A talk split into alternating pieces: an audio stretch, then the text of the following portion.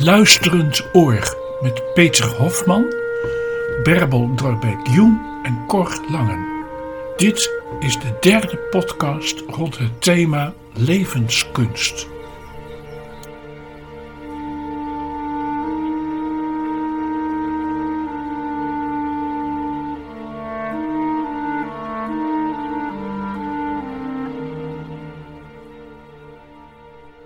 Goedemorgen. Fijn, Peter, dat je bereid bent om met ons aan de hand van de gedichten over levenskunst te praten. Laten we beginnen met een korte introductie van jezelf. Wie is eigenlijk Peter? Ja, wie is eigenlijk Peter? Nou, om te beginnen, ik kom uit een uh, gezin van uh, zes kinderen. Uh, ik heb drie zussen boven mij en een broer en een zus onder mij. En ik ben geboren uh, een half jaar voor het uitbreken van de Tweede Wereldoorlog. En van die Tweede Wereldoorlog herinner ik mij ook nog wel een paar dingen. In ieder geval dat we een schuilkelder in de tuin hadden. En uh, dat we aan het eind van de oorlog het huis uit moesten. En terechtkwamen bij een boer in het uh, buurtschap Zuna, vlakbij Rijssen. En daar heb ik ook de bevrijding meegemaakt.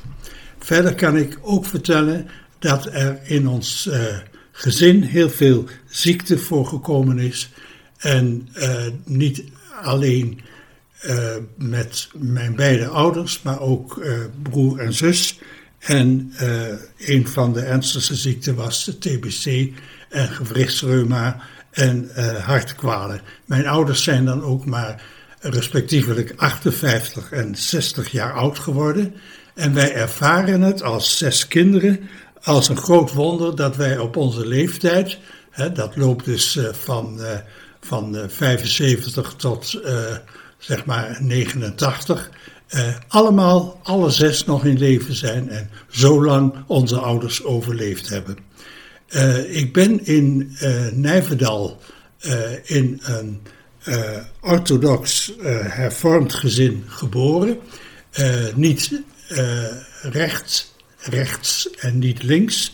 Het was wat wij noemden midden-orthodox. En ik heb het als een grote vrijheid ervaren. En ik heb de volle breedte van die kerk uh, eigenlijk altijd omarmd. En uh, zowel dus de linkerkant als de rechterkant, dat dat allemaal mogelijk was binnen één grote volkskerk. Vond het een prachtig kerkgenootschap. Dat bestaat nu niet meer in deze vorm, maar toen wel, met ook uh, belangrijke theologen. En mijn ouders waren zeer uh, kerkelijk meelevend. Mijn vader was daar ook actief in. En uh, mijn moeder had een meer, laat ik zeggen, evangelisch geloof. En mijn vader was iets meer van de schrift. Maar het was, laat ik zeggen, in zoverre heel, heel prettig en open. Wat ik zelf een goed voorbeeld uh, vind, is dat wij. Uh, er werd natuurlijk elke dag uit de Bijbel gelezen. Uh, je kreeg al die verhalen mee. Mijn moeder las ons de ene avond voor uit de kinderbijbel. En de andere avond las ze ons voor uit de sprookjes van Grimm. En weer een paar jaar later uit Omnibus voor de jeugd. Dus ze vonden het belangrijk dat we niet alleen maar die Bijbelse verhalen meekregen, maar ook andere cultuur. Het muzische, het gevoel voor het muzische, heb ik echt van mijn moeder meegekregen. Een belangrijke fase in mijn leven was uh, de kweekschool in Zwolle. Om verschillende redenen. De eerste allerbelangrijkste reden is, is dat ik daar Truus Ordeman heb ontmoet, mijn uh, latere vrouw en nog steeds mijn vrouw. En uh, dat is uh, werkelijk, ik moet zeggen, dat heeft mijn leven zeer bepaald en gevuld. En daar ben ik nog elke dag blij mee. Dus dat is belangrijk geweest op die kweekschool. Uh, in de tweede plaats heb ik daar de literatuur leren kennen. Mijn vader had mij daar al wel wat op voorbereid door de boeken die hij in de kast had staan. Uh, maar op die kweekschool kreeg ik de literatuur ten volle mee. En dat is voor mij ook heel bepalend geweest. Dat waren voor mij echt de Bildungsjaren. Uh, coming of age, zoals het ook wel genoemd wordt. En in de derde plaats heb ik daar voor het eerst de gedichten van Lucibert gelezen, samen met mijn vriend Willem. En wij lazen die gedichten hardop. We snapten er niet veel van, maar we vonden het geweldig. En het gekke was dat we in diezelfde tijd ook de jazz tegenkwamen.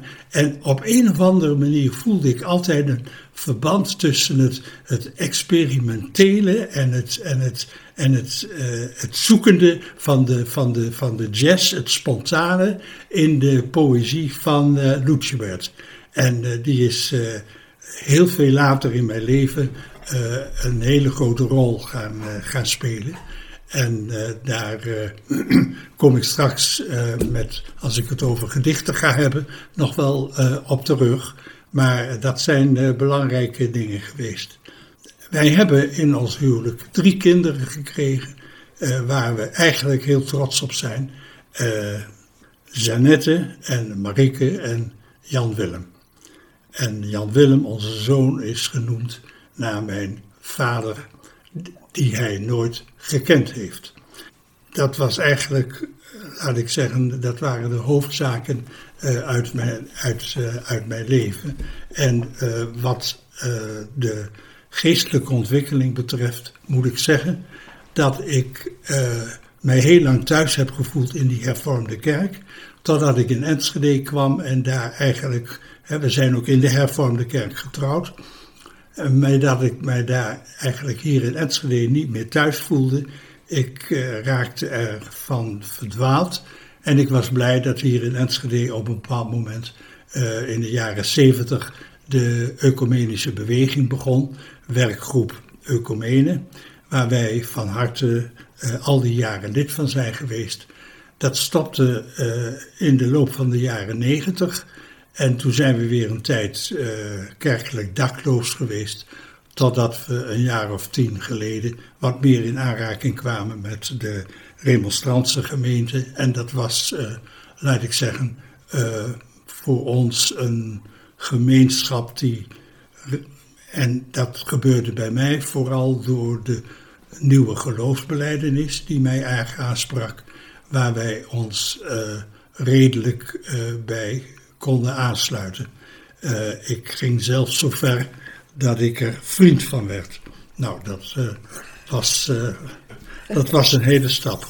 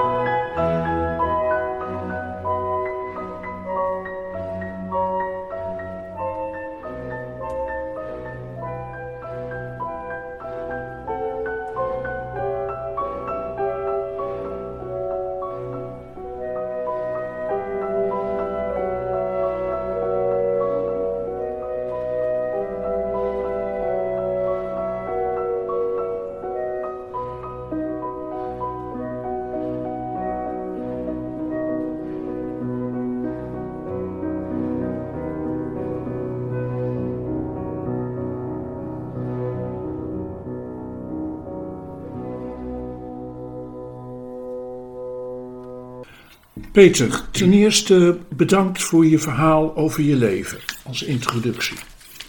En dan gaan we nu naar de poëzie. Dat is goed. Je hebt een gedicht gekozen, De Zeer Oude Zingt, en dan gaat het nu voordragen. De Zeer Oude Zingt. Er is niet meer bij weinig, nog is er minder. Nog is onzeker wat er was. Wat wordt, wordt willoos. Eerst als het is, is het ernst. Het herinnert zich heilloos en blijft ijlings. Alles van waarde is weerloos, wordt van aanraakbaarheid rijk en aan alles gelijk. Als het hart van de tijd, als het hart van de tijd. Dankjewel, dat was het gedicht. Voor de hand liggende vraag is: waarom dit gedicht? In de eerste plaats omdat ik uh, binnen de vele gedichten van uh, Lucibert uh, dit een van de parels vind. Maar er zijn meer parels.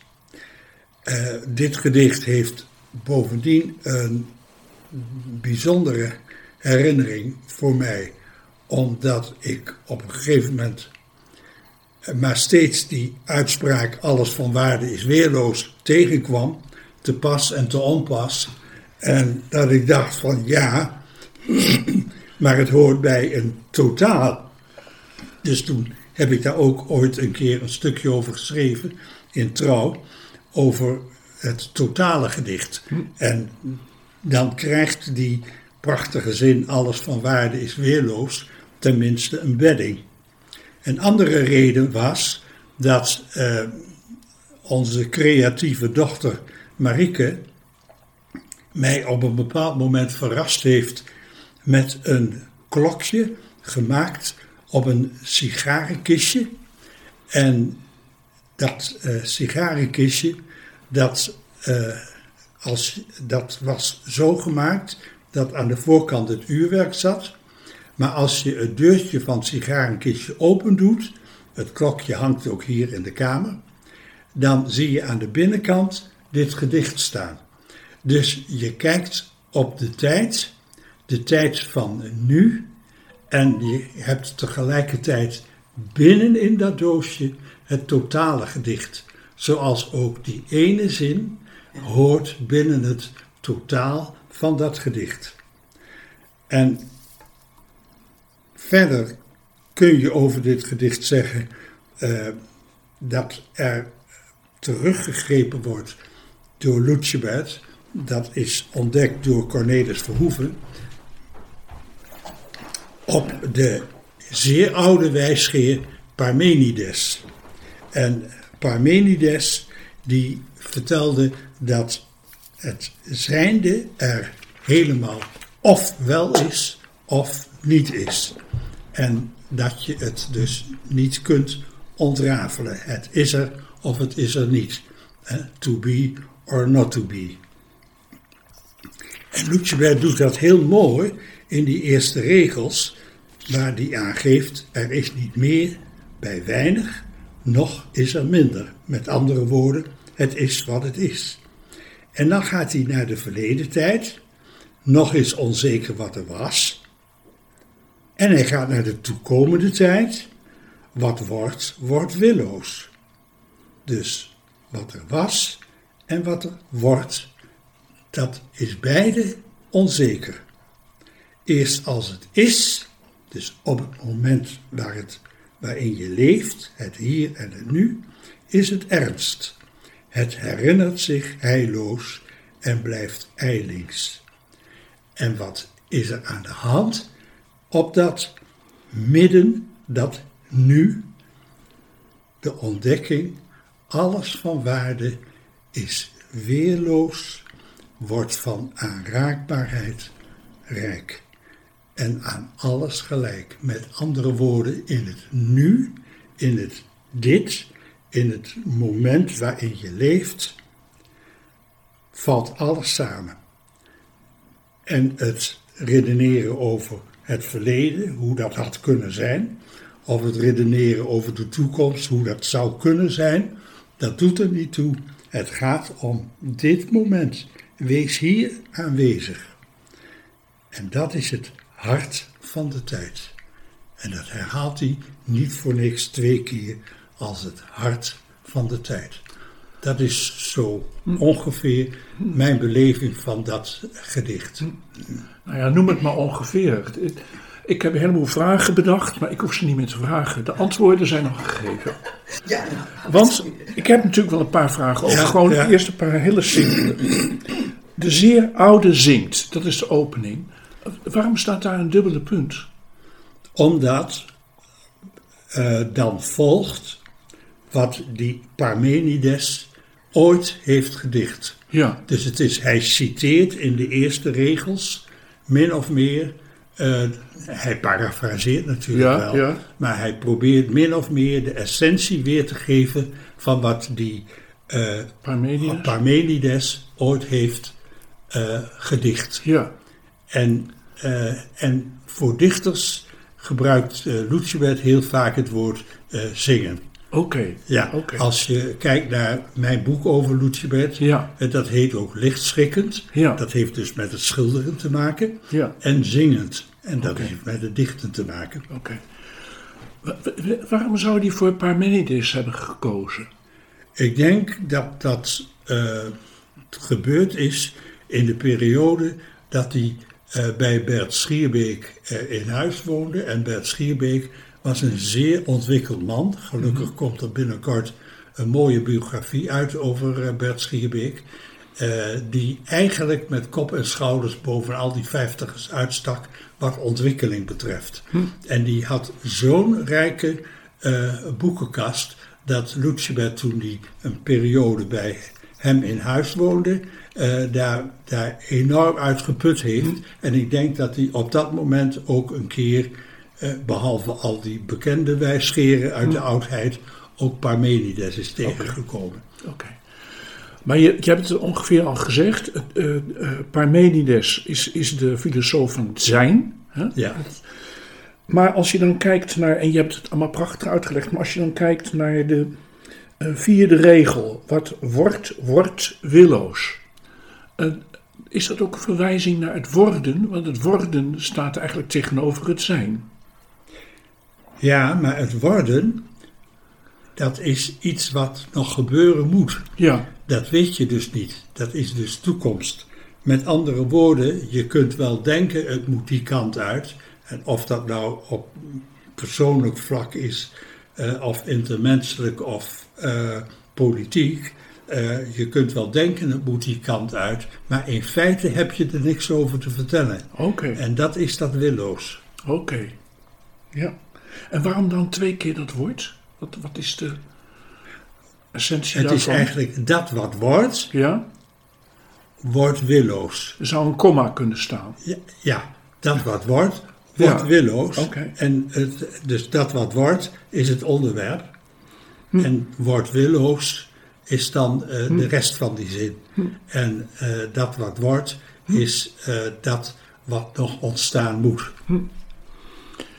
En dat willoze, hè, betekent dat, ehm, dat wij, jij en ik, het leven niet in de hand hebben? Precies. Je hebt eh, dus over wat er gaat gebeuren.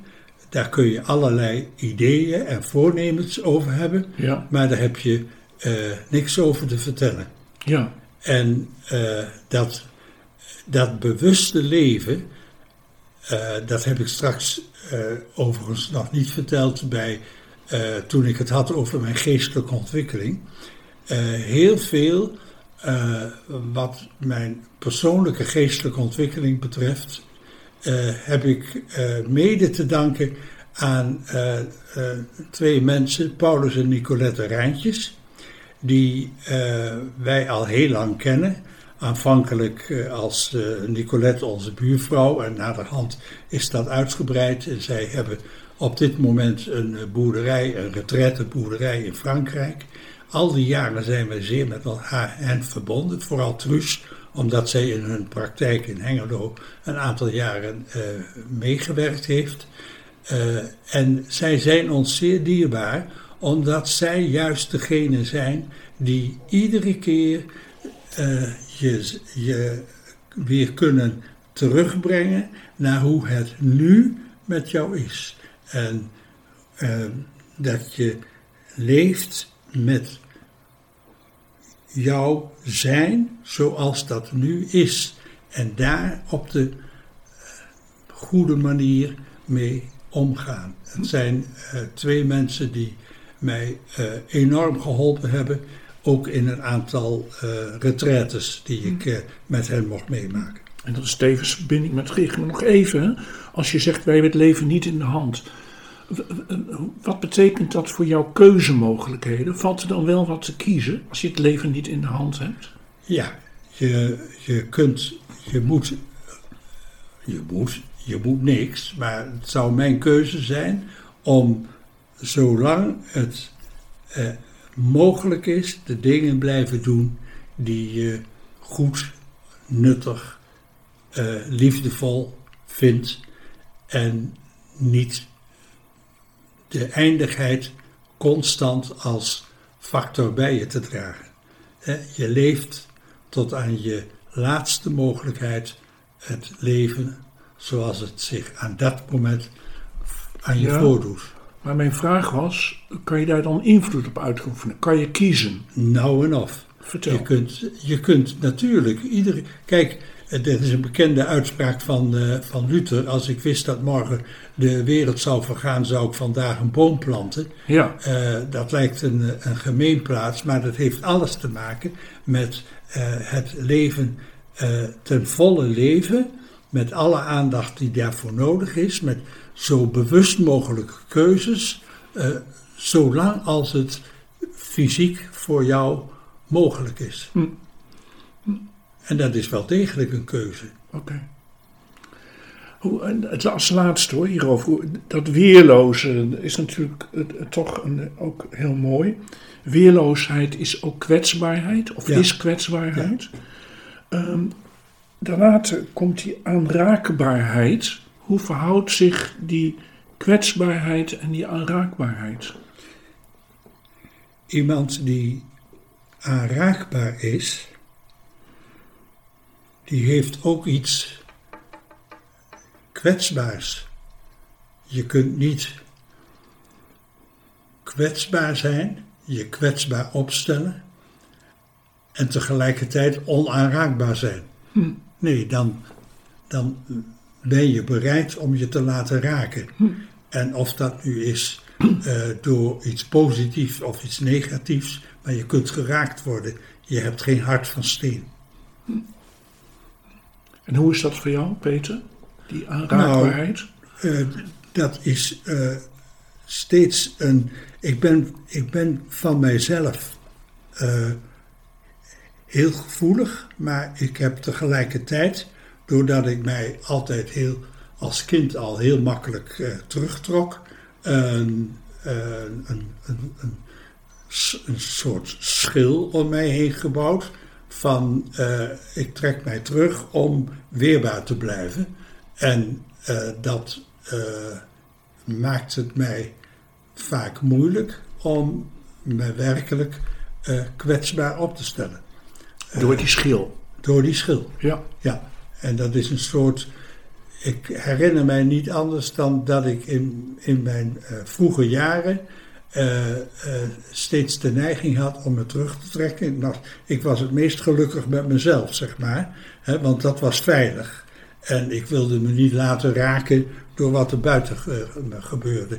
En ik uh, ben, heb in de, in de loop der jaren, hè, mede door die retraites en andere oefeningen en het leven met Truus, wel geleerd dat dat juist nodig is om wel open te zijn en kwetsbaar te zijn.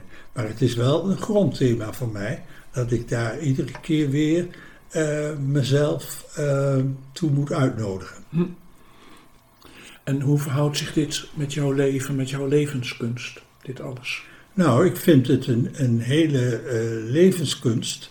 Hè, er is een levenskunst nodig om iedere keer weer uh, bereid te zijn om je te laten aanspreken.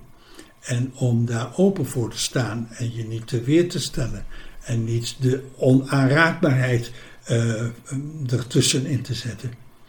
En als dat het streven is, en de keren dat mij dat lukt, kan ik spreken van levenskunst. Want ik denk dat dat de ware levenskunst is. Hè, de openheid.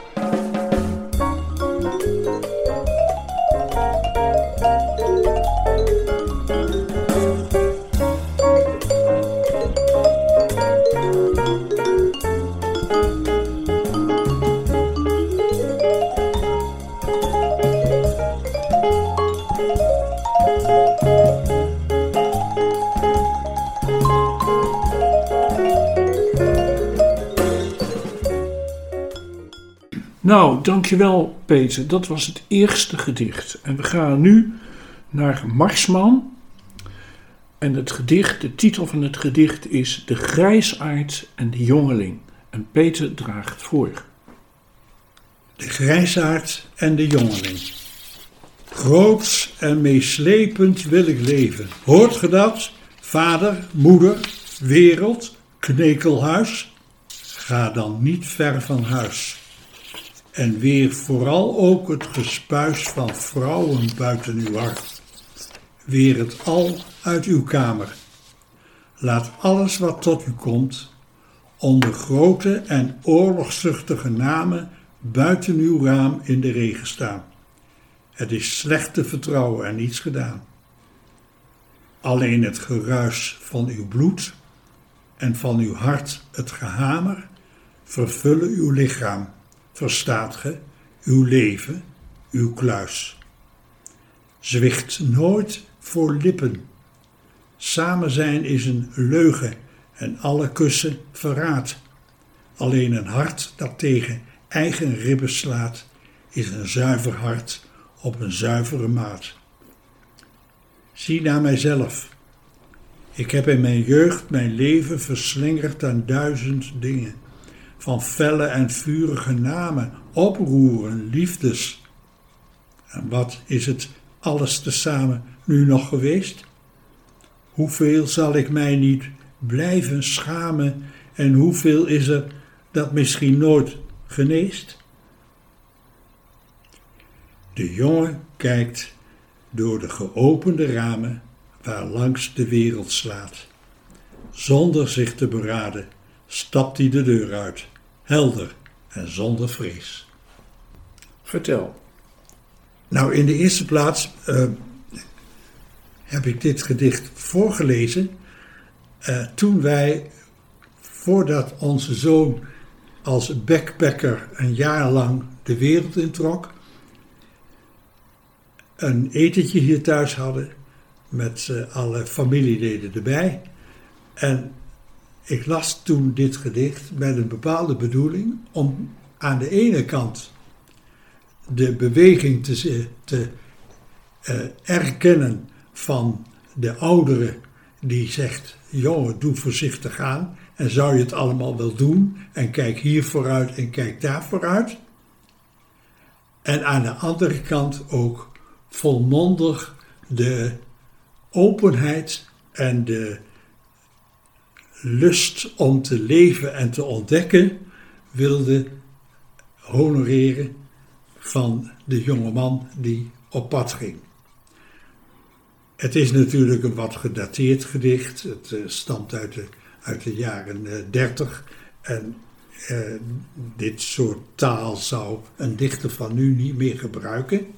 Maar het past wel heel mooi in het geheel van dat moment uit mijn leven.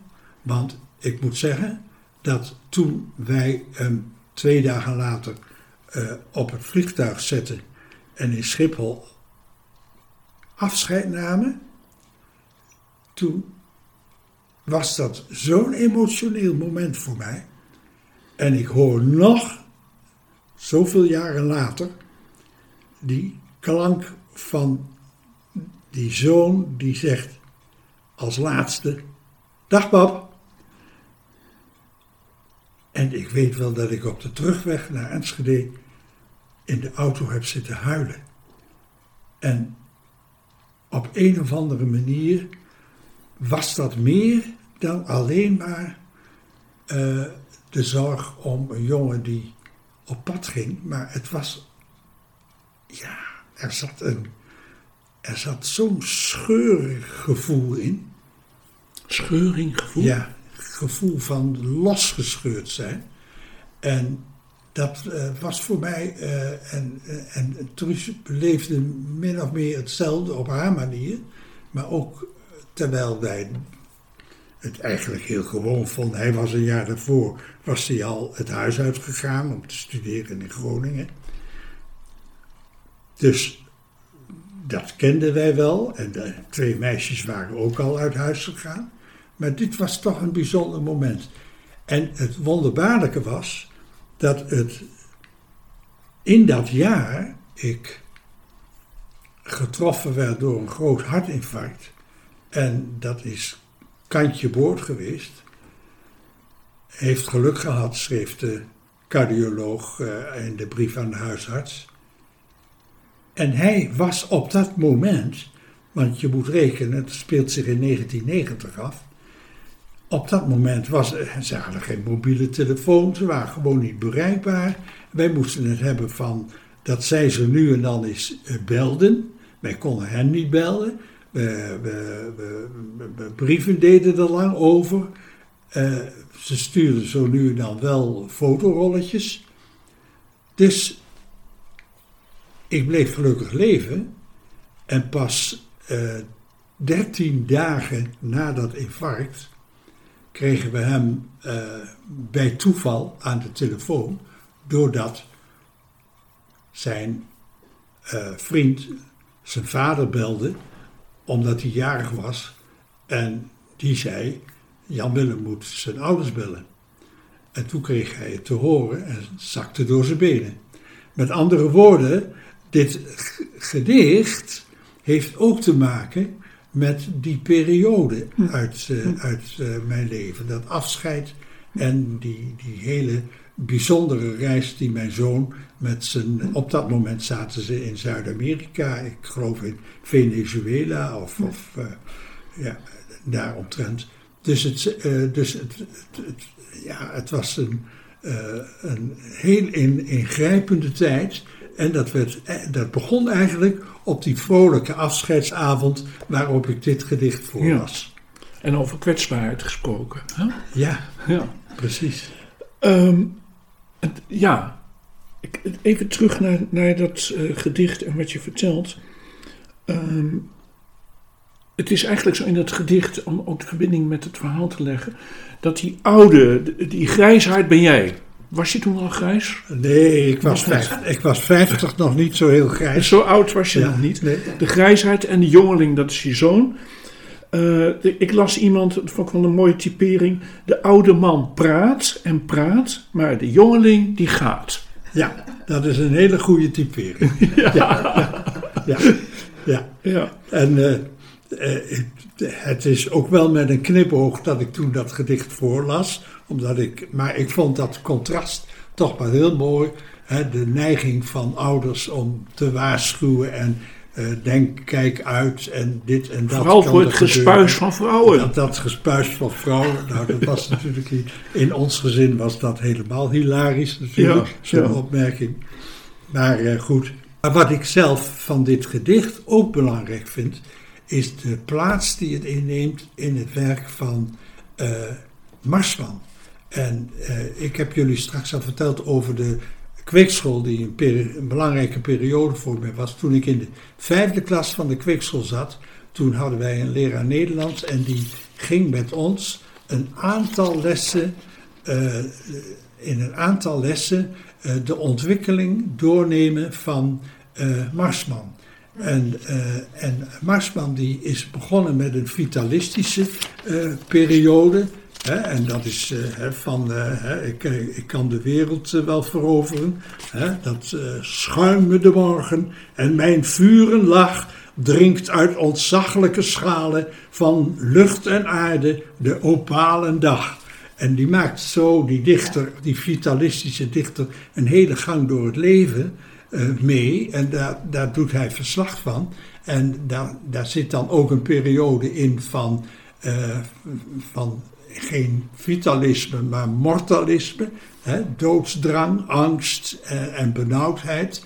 En dan komt hij uiteindelijk uit bij de zee. Hè, wie, uh, en, de zee, dat is voor hem de Middellandse Zee.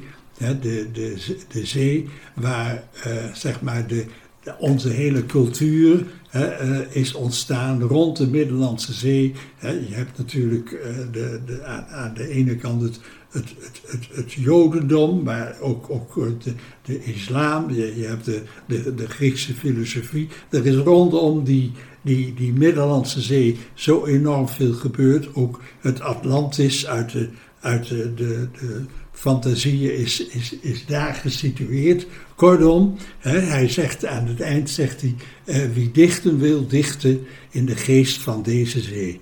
En dat is dan het laatste in zijn eh, mooiste bundel, Tempel en Kruis.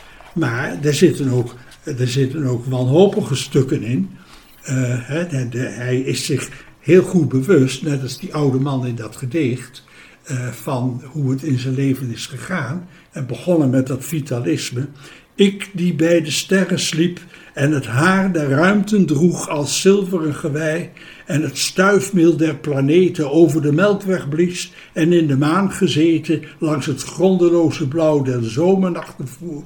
Dat is het vitalisme. Ik ben beroofd en leeg, mijn schepen zijn verbrand.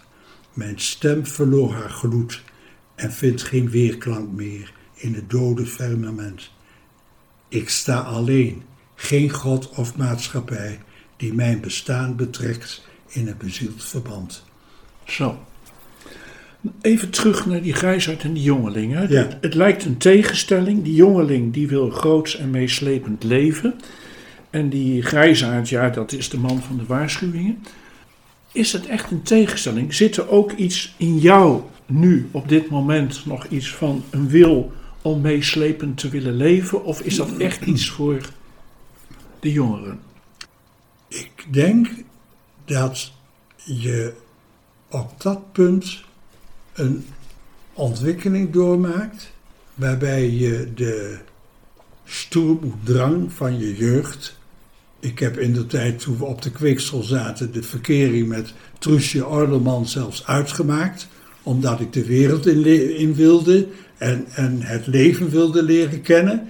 En dat was natuurlijk heel verwarrend, want ik hield wel van haar, maar ik wou mij nog niet binden. Dus ik heb het toen uitgemaakt en gelukkig is dat een paar jaar later weer aangekomen, tot ons eh, grote geluk. Maar eh, dat gevoel van eh, eruit willen, dingen willen ontdekken, dat is in allerlei vormen iedere keer wel weer teruggekomen. En eh, dat heb ik ook meegemaakt toen ik gepensioneerd was. Ik ben met vervroegd pensioen gegaan in verband met mijn eh, gezondheid. En eh, toen heb ik eindelijk aangevat waar, waar ik eigenlijk al mee bezig was. En dat is me diepgaand bezighouden met Lucebert. Hm. Daar is uiteindelijk een boek uit voortgekomen. Dat was aanvankelijk helemaal de bedoeling niet. Maar wel de, de, de, de, de aandrang om eh, mij eh, daarin te verdiepen. Die, die, jeugdliefde van eh, die, die dichter waar we elkaar gedichten van voorlazen. Mijn vriend en ik. daar wilde ik toen echt wat, echt wat mee doen.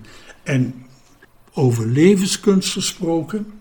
Na dat hartinfarct, een paar maanden later, kwamen Truus en ik in Haarlem op een tentoonstelling, een overzichtstentoonstelling van Lucebert. Hij leefde toen nog. En daarin eh, was alles samengebracht, want hij werd daar geëerd in die tentoonstelling als eh, dubbeltalent. En daar had hij ook een prijs voor gewonnen. En hij was daar zowel de dichter als, als, als de, de schilder en tekenaar. En eh, al dat werk zag je. En ik hoorde zijn stem door de luidsprekers. En ik zag op dat moment hoe deze man zijn idealen van expressie geven aan wat er in hem omging, zowel in gedichten als in, eh, als in de beeldende kunst, dat al die jaren van zijn leven trouw was gebleven. Zich iedere dag had teruggetrokken om daaraan te werken. En hoe mijn leven van voor een infarct zo versnipperd was geweest. En zo aan duizend dingen had meegedaan. En zo weinig vaak me echt geconcentreerd had op wat ik echt belangrijk vond. En dat deed je daarna. En ja, en hij had dat zijn leven lang gedaan. Ja. En dat was voor mij zijn levenskunst. Ja, ja. als rolmodel. Als rolmodel. Ja. Ja. Ja. Dat was een contrast. Ja, nog één over contrast gesproken. Een, een- terug naar Marsman. En dan moet je maar zeggen dat het klopt, want ik weet, ik weet heel weinig van poëzie. Maar ik las ergens een mooie tegenstelling dat Marsman droomde van kruistochten en zeeroversavonturen. Dus dat is die jongeling hè, die meeslepend wil leven. Maar als je je in zijn levensloop verdiepte, ontdekt, ontdekte je een neurotische astmaticus die het liefst met zijn pantoffels aan bij de haard zat. Is dat, zou dat kloppen? Uh, ik denk dat uh, wat, wat, wat Marsman uh, betreft opgaat zwei zelen in een broest. En, ja. en dat, dat, dat zat er natuurlijk ook in. Ja. En, en heel veel heeft zich van wat er in zijn dichterschap uitkomt, heeft zich in zijn geest afgespeeld. Hm. En of hij dat zeg maar ook allemaal geleefd heeft. Wat hij wel geleefd heeft, is in ieder geval uh, de liefde voor het Middellandse zeegebied en het besef uh, dat daar zoveel ontstaan was waar wij nu nog uh, de mee leven hè, aan, aan, aan cultuur en godsdienst. Oké. Okay.